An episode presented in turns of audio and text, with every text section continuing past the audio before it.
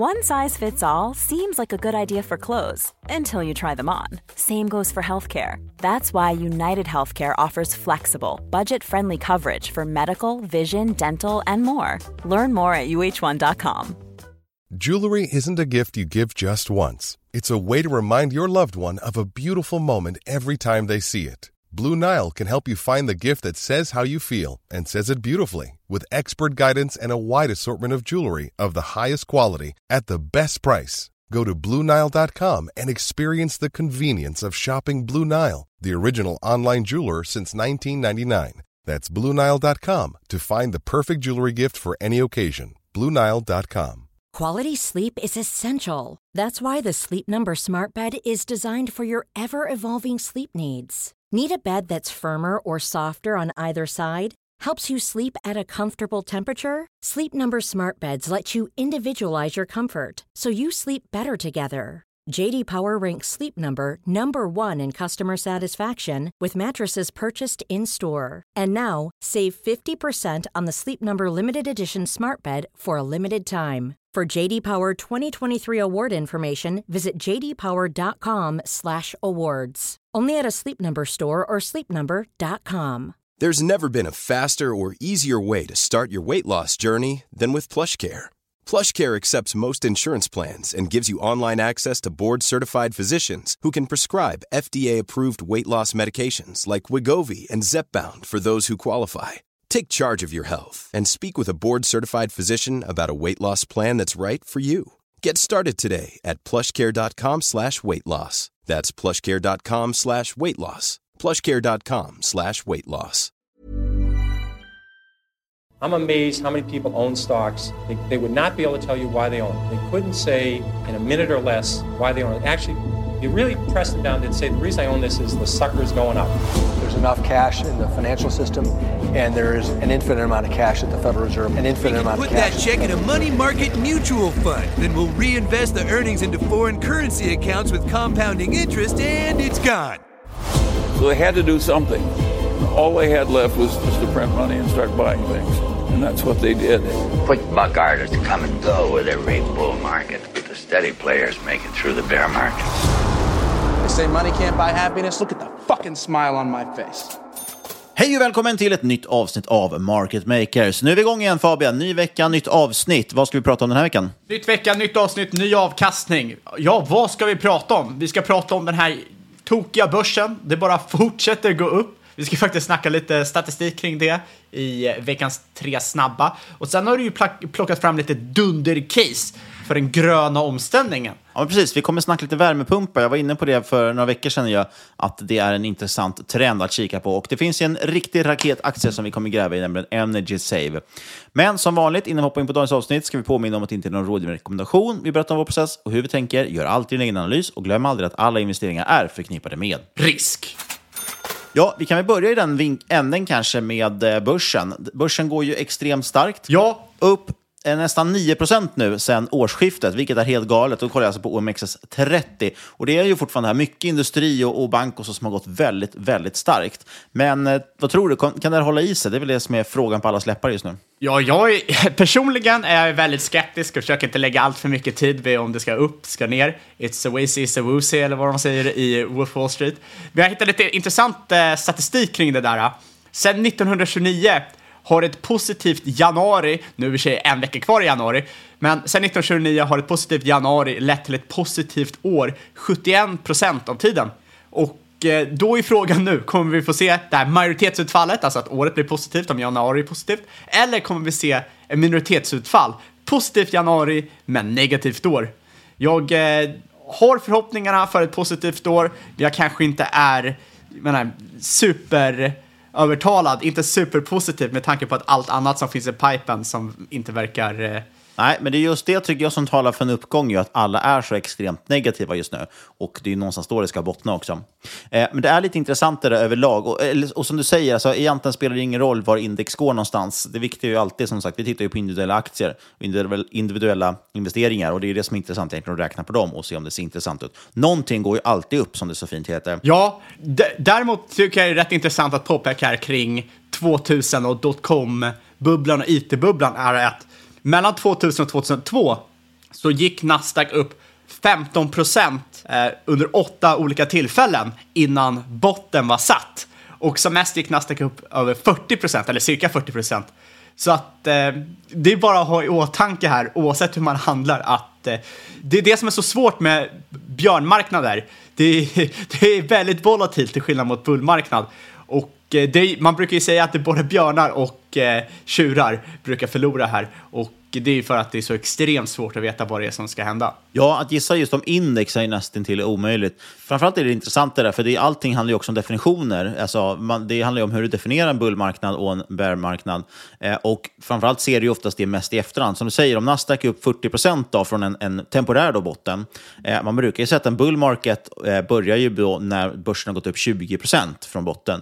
Och en bear market börjar när man fått en 20 procent nedgång. Vilket då, rent tekniskt då skulle, man, skulle man kunna hävda att Nasdaq då hade gått in i en ny bull market, men sen vände det igen. Så det är först i efterhand också man ser att det här bara var ett bear market rally och så vidare. Så att, ja, jättesvårt och det är väl ingenting vi sitter och försöker säga om hur det ska gå. Men det är lite intressant ändå att, eh, som du säger, att det är ändå över 70 procent av tiden eh, så att positivt januari lett till ett positivt år. Kul också förresten, bara en liten passus där, eftersom du sa att det, bara är, det är fortfarande en vecka kvar faktiskt på januari. Avanza Avanza har alltså ju fått väldigt mycket kritik tycker jag förra året. Bland annat då var det ju, vart de ju överkörda av bland annat eh, Nordnet var det ju som gick ut och var mycket snabbare på att betala tillbaka källskatten. Man betalar ju den här källskatten på eh, utländska utdelningsaktier, eller på ut, utländska utdelningar. Eh, men den ska du ju då få tillbaks om du har en kapitalförsäkring. Eh, och det görs ju då inom tre år. Men Nordnet gick ut och sa väl att de skulle få tillbaka i princip 100% samma år, så det går lite snabbare, så de går in där och, och, och frontar det lite grann. Avanza fick jättemycket kritik, då varför gör inte ni på samma sätt? Och så i december sa de att jo, men nu lovar vi att vi ska också göra det här, det kommer bli superbra. Eh, och ni kommer få mer information om det i januari. Och nu såg jag någon som skrev idag, vi spelar in det här den 24 januari ska tilläggas, som skrev idag och frågade eh, hur går det med den här informationen? Det är bara en vecka kvar på januari nu. och investeraren då såklart var snabb och svarade ja, men det är en hel vecka. Så vi får se hur det går med utdelningarna, eller källskatten, källskatten på utdelningar hos Avanza. Kanske var ett litet eh, vallöfte helt enkelt som de inte planerar att hålla. Är du, en annan grej. Eh, snabbt också just om, om börsen, som sagt, och hur den går. Det var lite kul, vi pratade förra veckan om det här med att det finns mycket cash på sidlinjen. Det har man ju pratat om väldigt länge. Det vill säga att många sitter på torrt krut, så att säga, eh, och väntar på att kanske gå in på börsen. Nu såg jag att JP Morgan dock var ute med en, eh, hade gjort en undersökning hos deras kunder och frågat är, hur, pass, hur pass troligt är det att ni kommer eh, minska eller öka er aktieexponering under den kommande tiden. Eh, och det här var nere på extremt låga nivåer. Eh, människor som hade tänkt att de skulle öka sin aktieexponering. Det var min, ja, nere på 35 procent ungefär, så en tredjedel ungefär eh, var beredda att öka sin aktieandel medan majoriteten inte ville det. Så de har kul på sidlinjen, men de vill inte stoppa in det. Sen vet man aldrig vad som händer. Går börsen jättestarkt nu, som den har gjort, ja, då kanske det ökar intresset. Vad folk däremot verkar göra med sina pengar det är att stoppa in dem i så kallade money markets, alltså ja, korträntefonder blir det väl, eller vad heter det, penningmarknadsfonder brukar det väl kallas för. Penningmarknadsfonder, ja. Exakt. Eh, så det är ju liksom kortsiktiga placeringar för att få lite ränta på pengarna. Eh, och det har fullkomligt exploderat faktiskt eh, den här senaste tiden. Så det tyckte jag var lite intressant. Det, är det som folk har börjat stoppa in sina pengar i just nu, ser det ut som. Så det man kan konstatera från det helt enkelt är att även om det är mycket cash på sidlinjen så är folk inte så intresserade av att stoppa in de pengarna på börsen, verkar som, utan de stoppar det i mer, mindre risk, eh, riskvilliga alternativ helt enkelt. Ja, jag har hört många kalla den här eh, marknaden just nu för max confusion. Som du säger, man ser inte liksom något inflöde in i aktier, eh, inte något särskilt intresse för aktieexponering. USA outperformar Europa fastän man trodde att det skulle vara tvärtom. Man tyckte att USA, eller man tyckte att Europa såg så starkt ut och eh, enligt Barclays så har investerarkollektivet nu en övertro till soft landing. Det skiftar ju väldigt snabbt här i makrovärlden och bland investerare. Från hard landing och recession till soft landing och eh, enligt Morgan Stanley så förväntar sig 90% av investerare nu en så kallad soft landing. Det kan man kalla konsensus. och eh, dessutom tillägger de att de inte ser att en recession för närvarande är inprisat i aktiemarknaden då många segment som europeiska aktier, amerikansk industri och så vidare handlas i stort sett flat på rullande 12 och eh, det är liksom trots en energikris och krig i världen och QT och liknande. Däremot, någonting som är jag höll på att säga däremot någonting som är intressant, det är såklart intressant med de här datapunkterna också, men någonting som är intressant gällande just eh, makro är ju valutor. Och eh, det som är intressant här är att vikande dollarn kommer ju nu agera lite krockkudde för eh, många bolag och framförallt techbolagen nu i, i Q4 och under 2023. Eftersom dollarn faller så kan ju många bolag skruva upp sina vinstestimat med cirka 1-2 procent i Q4 och 2-4 procent under 2023 jämfört med förväntningarna som bolagen satte under Q3 2023. Det som är intressant här är att historiskt sett så brukar inte konsensus uppdatera sina modeller efter FX-svingar. Så det finns risk här på uppsidan att många eh, bolag outperformar konsensus estimat på grund av FX-svingar. Det kan vara rätt intressant. Ja, och normalt sett, man brukar ju prata om att valutor är lite nollsummespel, i slutändan så spelar det inte så stor roll. Men vi har ju sett extrema verkligen skillnader i, i valutor den här senaste tiden. Eh, senaste året så, så har ju till exempel kronan har ju totalslaktats, nu har den återhämtats lite grann. Och det är ganska kraftiga rörelser, alltså ganska många procent rör sig upp och ner. Eh, och det är man inte van vid. Och då blir det ju stor påverkan på bolagen också. Många svenska bolag till exempel gynnas ju av att, att svenska kronan är svag eh, för framtida affärer, för det blir lättare att sälja helt enkelt när våra produkter är billiga, för att valutan är billig. Eh, Medan många bolag som Mag Interactive eller G5 eller så, så de som säljer då i amerikanska dollar, de tjänar ju på att dollarn är stark. Då blir deras intäkter större, medan kostnaderna då, eh, eventuellt är billiga beroende på vilken valuta de betalar dem i. Ja, det kan ju bli väldigt intressant här nu, speciellt för många techbolag som, ja, dels om de får eh, valutamedvind eftersom de säljer internationellt och dels när de börjar strypa i eh, kostnader. Och det är väldigt många bolag här nu som börjar dra i kostnadsbesparingar. Google till exempel såg vi här senast. Skulle sparka några procent av personalen. 12 000 anställda skulle de eh, sparka. Och eh, med risk för att jag citerar helt fel siffra, jag vill minnas att jag såg en siffra på drygt 4 miljarder dollar skulle man spara per år på de här anställda, om inte jag såg det fel. Ja, hur många procent av bolaget var det? Det var väl 5, 6, 7 procent? Ja, det är ganska, ganska stor procent. Och jag såg sto eh, större investerare i Alphabet som yrkade på att de skulle gå upp till 20 procent. Ja, det är rätt mycket folk minst sagt. Apropå Google, vi har ju pratat väldigt mycket nu senaste veckan om den här äh, ChatGPT, den här chattbotten som revolutionerar världen just nu, den här AI. Eh, och vi pratade bland annat lite grann om att Google har liksom haft lite problem med det här. Jag såg en rubrik här nu i veckan om att de är freaking out about ChatGPT. Det vill säga att Google har ju väldigt stora problem med att Google säger att de har starkare, bättre modeller än ChatGPT, eh, som är bättre. Men deras problem är att de kan ju inte integrera det här i sök eftersom det är svårt att visa annonser i det helt enkelt. Eh, och då rapporterade vi för någon vecka sedan att eh, Microsoft satsar stort på det här istället. De ser ju ändå att Bing är en så liten del av deras eh, verksamhet. Och den, Bing är ju en extremt liten sökmotor jämfört med Google.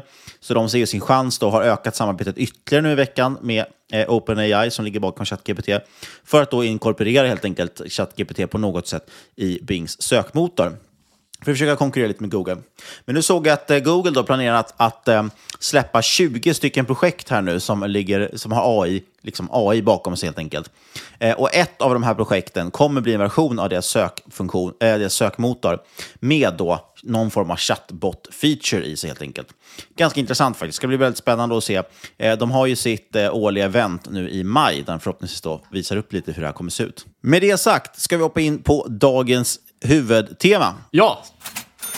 Ja, och jag tänkte prata lite värmepumpar som sagt. Det här är ju en liten intressant sektor eller marknad eh, som kan bli väldigt, väldigt stor kommande år. Det har redan börjat röra på sig.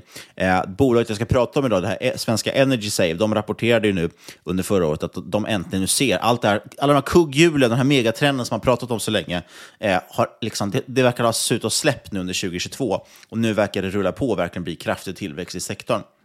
Men vi tar ett litet steg först tillbaks innan vi pratar specifikt om just bolaget Energy Save. Eh, bara allmänt, en luftvärmepump ska vi lite prata om. Eh, det används ju för att framförallt värma upp hus. Och det finns runt 85 miljoner friliggande hus bara i USA. I Sverige har vi cirka 2 miljoner.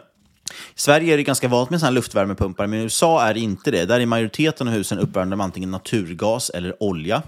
Eh, och kan vara lite svårt kanske att tro som svensk då, men så ser verkligheten ut.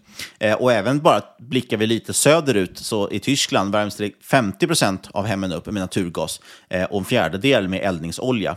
Eh, generellt så är det liksom bara det är mindre än 10 procent av de europeiska hushållen som värms upp med värmepumpar. Så det är en väldigt liten andel av uppvärmningen i världen, även om jag tror att andelen i Sverige är betydligt större.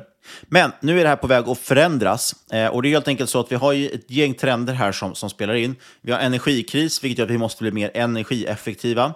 Det gör också att priser på olja och gas till exempel har gått upp och tillgången är sämre. Vi vill också allmänt elektrifiera, finns det ju en önskan om ur liksom klimatsynpunkt. Så ganska mycket saker pratar för värmepumpen. Varför då? Jo, luftvärmepumpen är ju i princip kan vi säga en AC, en air conditions, men som kan även leverera värme helt enkelt för att värma upp. Eh, och varför är de då bra? Jo, för det låter ju lite som, man brukar ju prata om skräcksiffrorna för de som har direktverkande el, nu när de får sina räkningar. Eh, men direktverkande el har en betydligt lägre energieffektivitet. Då stoppar du in el i ett element som då konverterar det till värme genom någon form av motstånd. Eh, och det blir ju, du tappar ju jättemycket liksom, effekt helt enkelt. Väldigt mycket av energin du stoppar in kommer inte tillbaka ut som värme.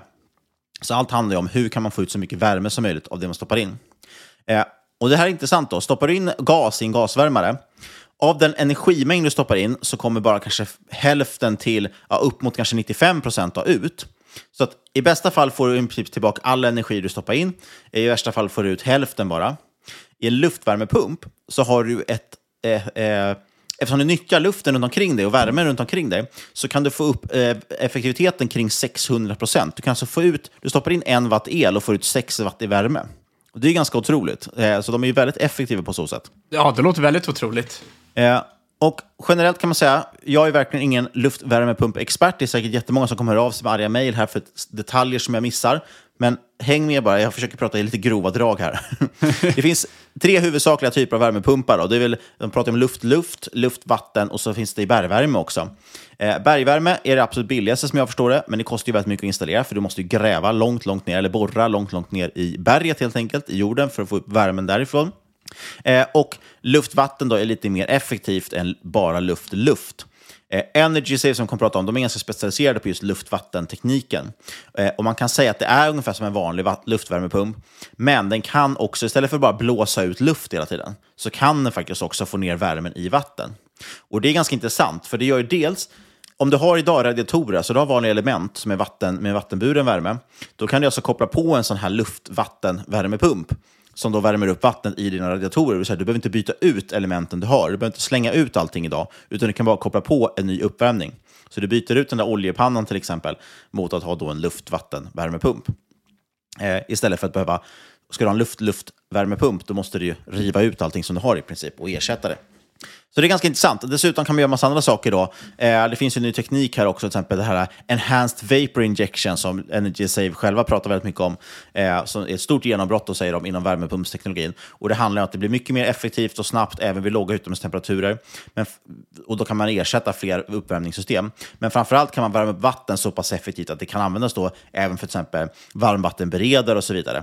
Eh, så att du får in ännu mer värme i huset som, som går på den här värmepumpen helt enkelt. Är det så när man häller nikotin med smak eller? Eh, nej, det är inte den typen av vaping. kanske att man kan lägga in någon liten doftsticka i sin, sin luftvärmepump och få, få doft då inomhus, det vet jag inte. I värsta fall ställer någon en surströmmingsburk vid in, där luften dras in. Nej, men så just den här energieffektiviteten gör att luftvärmepumpar eh, är väldigt attraktivt just nu ur liksom politisk synpunkt, eh, men också att de är eldrivna. Eh, och vi vill ju liksom att saker ska bli elektrifierade.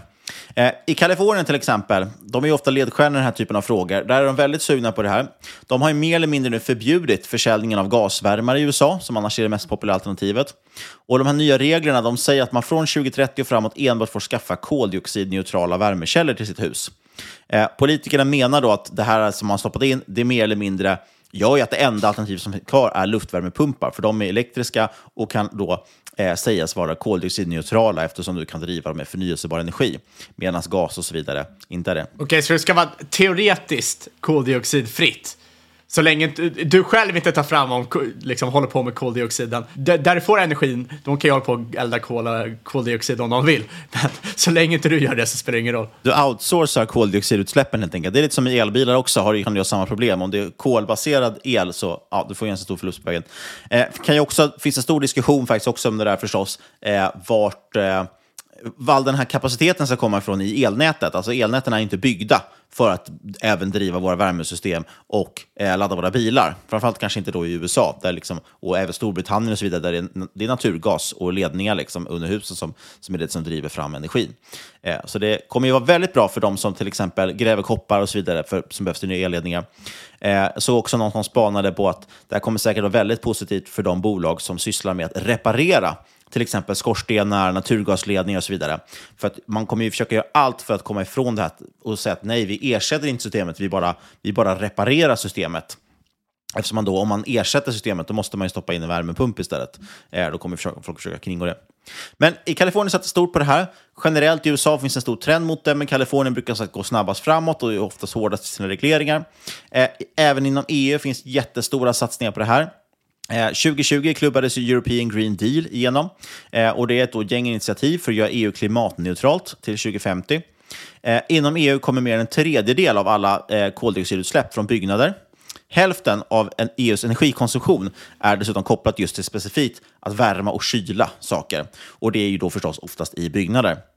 Så det finns en stor kommande efterfrågan här på luftvärmepumpar för att lösa den här utsläppsfrågan helt enkelt. Hur ska vi kunna värma och kyla saker i våra byggnader inom EU eh, på ett mer koldioxidneutralt sätt? Eh, dessutom nu på grund av invasionen i Ukraina och då den minskade tillgången till naturgas som blev följd av det, har också EUs mål på värmepumpar skruvats upp ytterligare. Man säger att man vill gå från 17 miljoner värmepumpar som vi har idag till 60 miljoner redan år 2030. Så den tredubbling egentligen av marknaden på sju år. Därav att vi då försöker gräva lite här och se vilka som kan kapitalisera på den sjudubblingen. Eh, förlåt, den tredubblingen. Dessutom satsas det väldigt stort på energirenovering eh, i EU så har man då, liksom, enligt de här klimatåtgärderna, ska man då fördubbla den årliga energirenoveringstakten under de kommande tio åren. Det handlar helt enkelt om att man måste bygga om hus på olika sätt, kanske isolera dem eller så, men också stoppa in de nya uppvärmningssystem. 35 miljoner av de sämst presterande byggnaderna måste renoveras senast 2030 för att uppnå de här målen man har. Eh, och det är ganska många hushåll. Ja, det, det, det låter ju som ett tokbra case för många metaller och metal miners. Så många säger storbilliga just nu. Ja, jo, men så kommer det verkligen vara. Det har man väl pratat om i många år, att, att koppar till exempel kommer gynnas av elbilstrenden. Men eh, den kommer också gynnas av utbyggnaden av elnätet som krävs för dels elbilar men också nya elektriska uppvärmningssystem. Och Sen kan man väl tänka sig att tillväxten kommer initialt vara störst inom villor såklart. Det är lite som jag var inne på också för avsnitt, det var därför jag började kika på det från första början. Att vad kan gemene man göra så att säga för att spara ner på sin elräkning? För det är ju det som är ganska akut just nu. Hur tusan ska du ha råd att betala elräkningen? Vad kan jag göra som privatperson här och nu? Sätt på en ylletröja. det, det är det absolut enklaste, att sänka temperaturen. Men det är mer långsiktigt, om man vill ladda bilen, det hjälper inte hur mycket. Även om en ulltröja, en ulltröja ger ju status elektricitet, men det kan du inte ladda bilen med. Även om du står och gnuggar. Bara cykla min vän, bara cykla. Ja, du står och gnuggar där mot laddkontakten i timmar, men ändå laddas inte bilen. Nej, men och det man kan göra då, som vi pratade om, att generera egen el, det är ju solceller, eh, värma upp huset mer effektivt, sätta in luftvärmepump till exempel. Eh, så därav att villor är såklart det som växer snabbast, men även de mer industriella lokaler och kommersiella lokaler eh, kommer också växa. Skicka ut barnen, hugga lite ved. Ja, och det, det som är intressant också, som jag sa, det är att på svenska marknaden den är ändå relativt mogen. Eh, där ökar man, ser man en större tillväxt inom just kommersiella fastigheter. Men i övriga Europa så är det framförallt villor som är det stora tillväxtområdet. Eh, många har ju förstås också snappat upp det här. Det är inte som att vi är först på bollen här. Det pågår en våg av konsolidering i sektorn. Det är private equity-firmor som just nu sveper upp i princip alla mindre aktörer för att skapa stordriftsfördelar och kunna kanske bundla ihop det och sälja dyrare. Och ska man börja kolla på alternativ då, tittar vi på svenska börsen. Vad är det mest uppenbara alternativet för luftvärmepumpar, Fabian? Ja, äh, NIBE. Eller NIBE som, som svenskarna kallar det. Precis.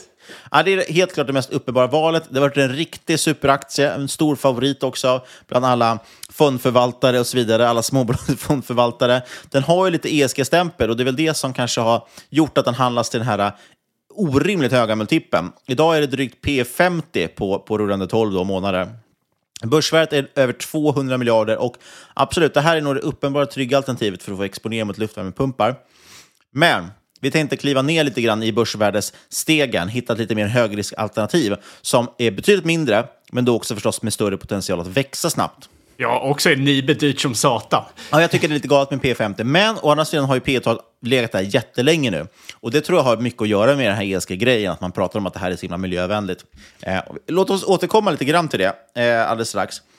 Energy Save då, som bolaget heter som jag tänkte prata om idag, Eh, ticken är ESGR. Den är noterad på Spotlight. Börsvärdet här har ju precis kommit upp till över miljarden. Och Det där tror jag är lite intressant.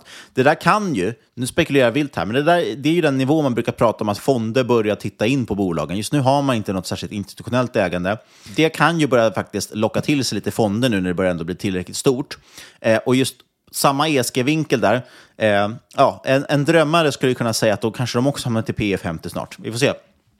Eh, men något som är ganska galet. För bara något år sedan så hade de inte alls det här börsvärdet. Det är en raket. Det var ju Spotlights bäst presterande aktie. Upp över 700 procent under 2022. Så det var en Oj. rolig resa. Är det en, en meme-stock? Man kan tro det. Nej, men det har väl att göra med att det här är ett väldigt litet bolag. Eh, de har vänt väldigt snabbt, eller liksom för, för några år sedan. Eh, och vänt ändå ganska fort. Det har växt väldigt, väldigt snabbt. Luftvärmepump, alla de här initiativen har liksom slagits in. Eh, och som, som bolaget själva säger, vdn säger att det har verkligen släppt liksom nu. Allt det här som vi har sett i marknaden ska komma, det har kommit nu och startat. Eh, så att, det är ju så att bolaget har inte, visst den har växt lite snabbare då såklart än värderingen, eller förlåt, än fundamenta, men, men knappt det. Eh, bolaget har haft fem kvartal i rad nu med över 100% tillväxt per kvartal. Så att det har gått extremt, extremt fort för bolaget. Och vi ska prata lite om varför. Eh, men vi kan väl säga först och främst att de har levererat värmepumpar sedan 2009 och varit noterade sedan 2020. Och det handlar framförallt om sådana här luftvattenvärmepumpar då, till villor. Det är den stora grejen. Eh, framåt räknar man med att det här kommer att kanske vara lite mer jämnare fördelat, men just nu är det väldigt mycket villor. Men man har också som sagt kommersiella applikationer också. Och något som jag tycker är ganska kul med det här bolaget, de har varit väldigt duktiga på att, att bygga inför. De har ju sett liksom, sedan lång tid tillbaka så att det här behovet kommer bli väldigt, väldigt stort. Och har då redan från början försökt bygga på ett sätt eh, som är väldigt modulbaserat.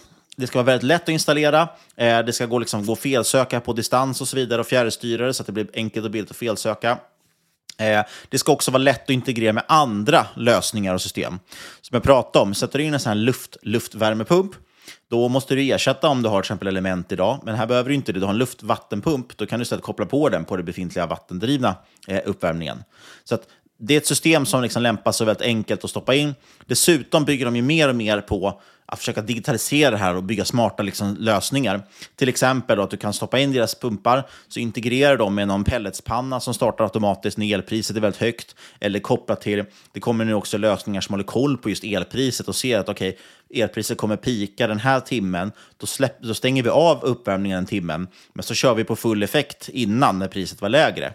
Och så, så jämnar man ut det då över dygnet. Liksom och, och, ja, helt enkelt, man pratar om det här med peak shaving inom el, att man vill försöka få ner de här pikarna eh, där alla kör allting samtidigt. Så att när alla kommer hem från jobbet och slår igång spisarna samtidigt, då får man ju en spik i, i elförbrukningen. Då kanske luftvärmepumpen kan stänga av sig automatiskt under den perioden och sen starta upp igen lite senare.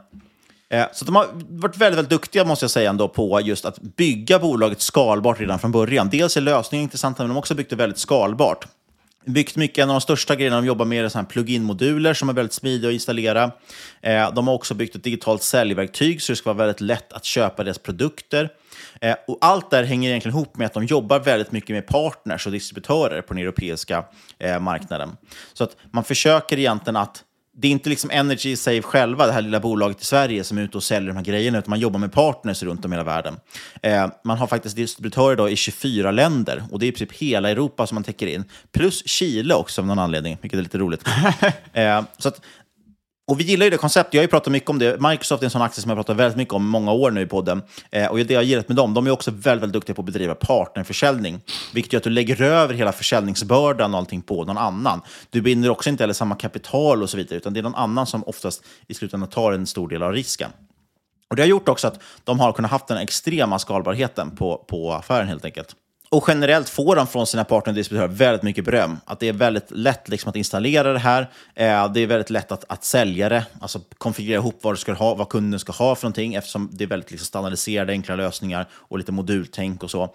Och sen är det lätt som sagt att installera dem. Och skulle det dyka upp något problem så bara fjärrstyr man och kollar på det på distans utan att behöva skicka ut en gubbe som tittar på det. Eh, låt oss titta in lite på siffrorna, det är det vi kan egentligen. Eh, Bolagets nettoomsättning uppgick till nästan 110 miljoner nu under 2021-2022. De har brutit räkenskapsår, vilket är lite tråkigt. Så att Q4, då, alltså års, deras år tar slut någon gång under sommaren.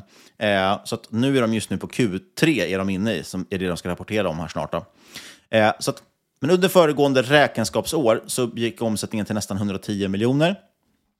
Eh, tittar man då på bara eh, under första kvartalet här nu, 22-23, Gud vad rörigt det är med de här oh, datumen. När, när det är brutet, ja. Vi säger så här istället. Eh, under Q3 i kalenderåret, så att säga, så, så under hösten helt enkelt, eh, då ökade man omsättningen med 472 procent jämfört med samma period föregående år. Så som sagt, kanske inte helt orimligt att aktien då växer 700, går upp 700 procent om omsättningen växer nästan 500 procent. Alltså det är inte så långt ifrån varandra ändå. Eh, och generellt så växer Energy Save betydligt snabbare än marknaden. Även om vi pratar om att marknaden generellt, alltså det är en väldigt stor trend det här och eh, väldigt positivt med luftvärmepumpar överlag, så växer ju Energy Save mycket, mycket snabbare än det. Enligt Europeiska värmepumpsföreningen växte marknaden med, med ungefär 8 procent under, 2020, under 2020. Energy Save växte under samma period med 40 procent. Eh, och 2021 så ökade man ju försäljningen med nästan 100 procent, medan branschen växer 25 procent.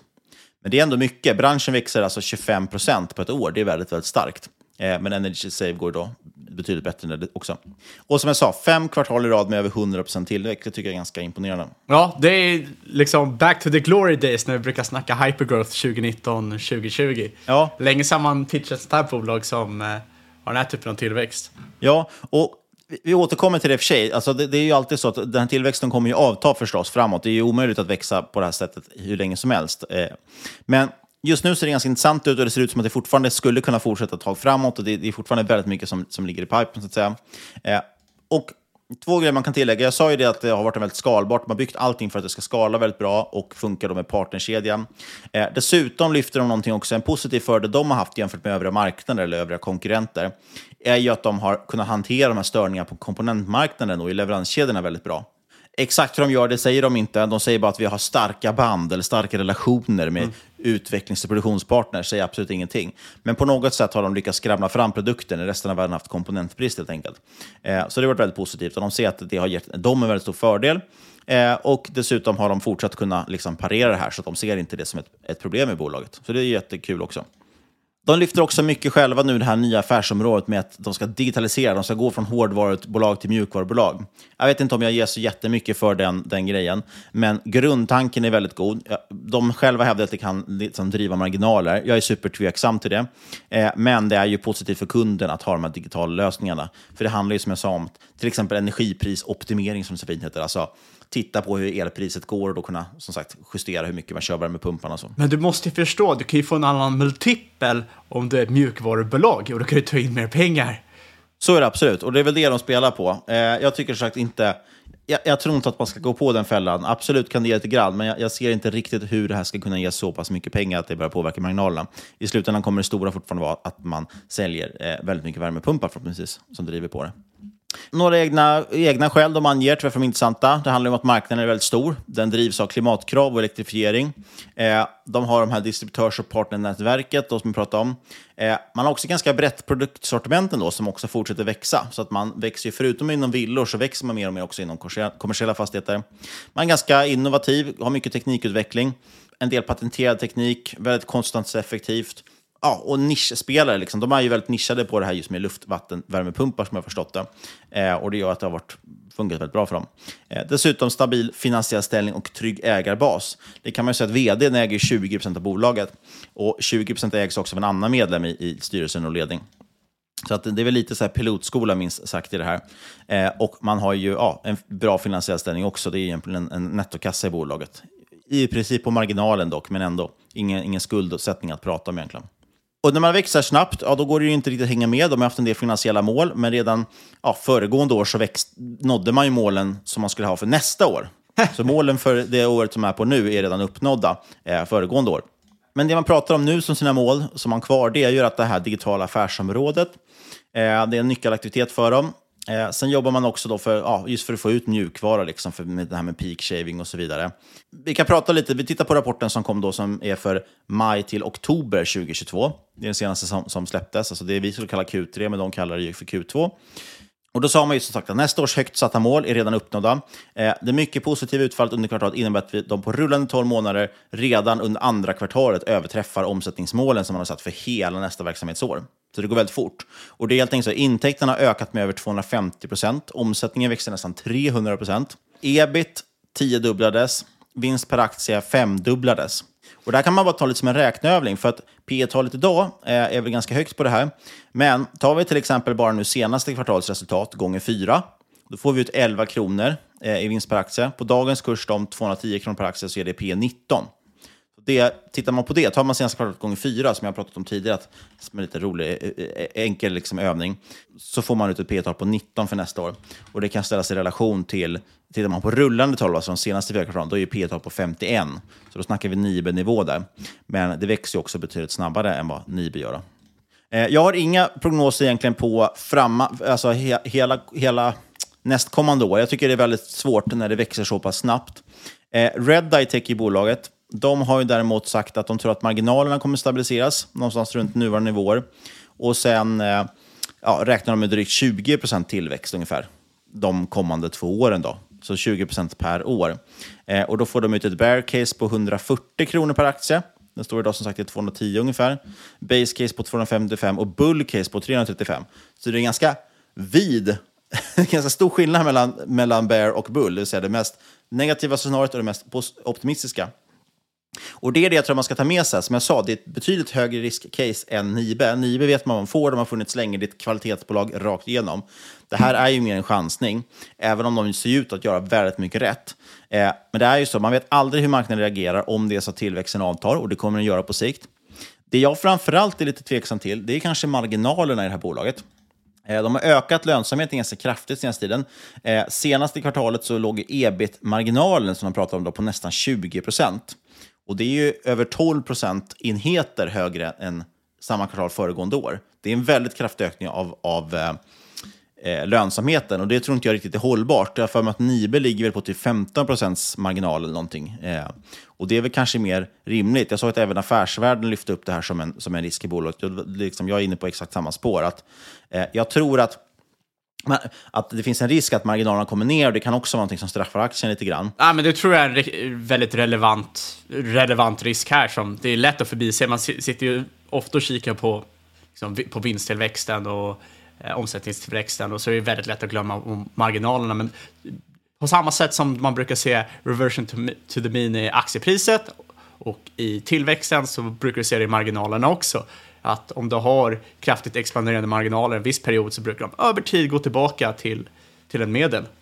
Ja, och jag får med Redeye, när de släppte sin analys, det går så pass fort det här bolaget, men jag tror när Redeye släppte sin analys för något halvår sedan, då hade de väl 18% marginal någonting i ebit.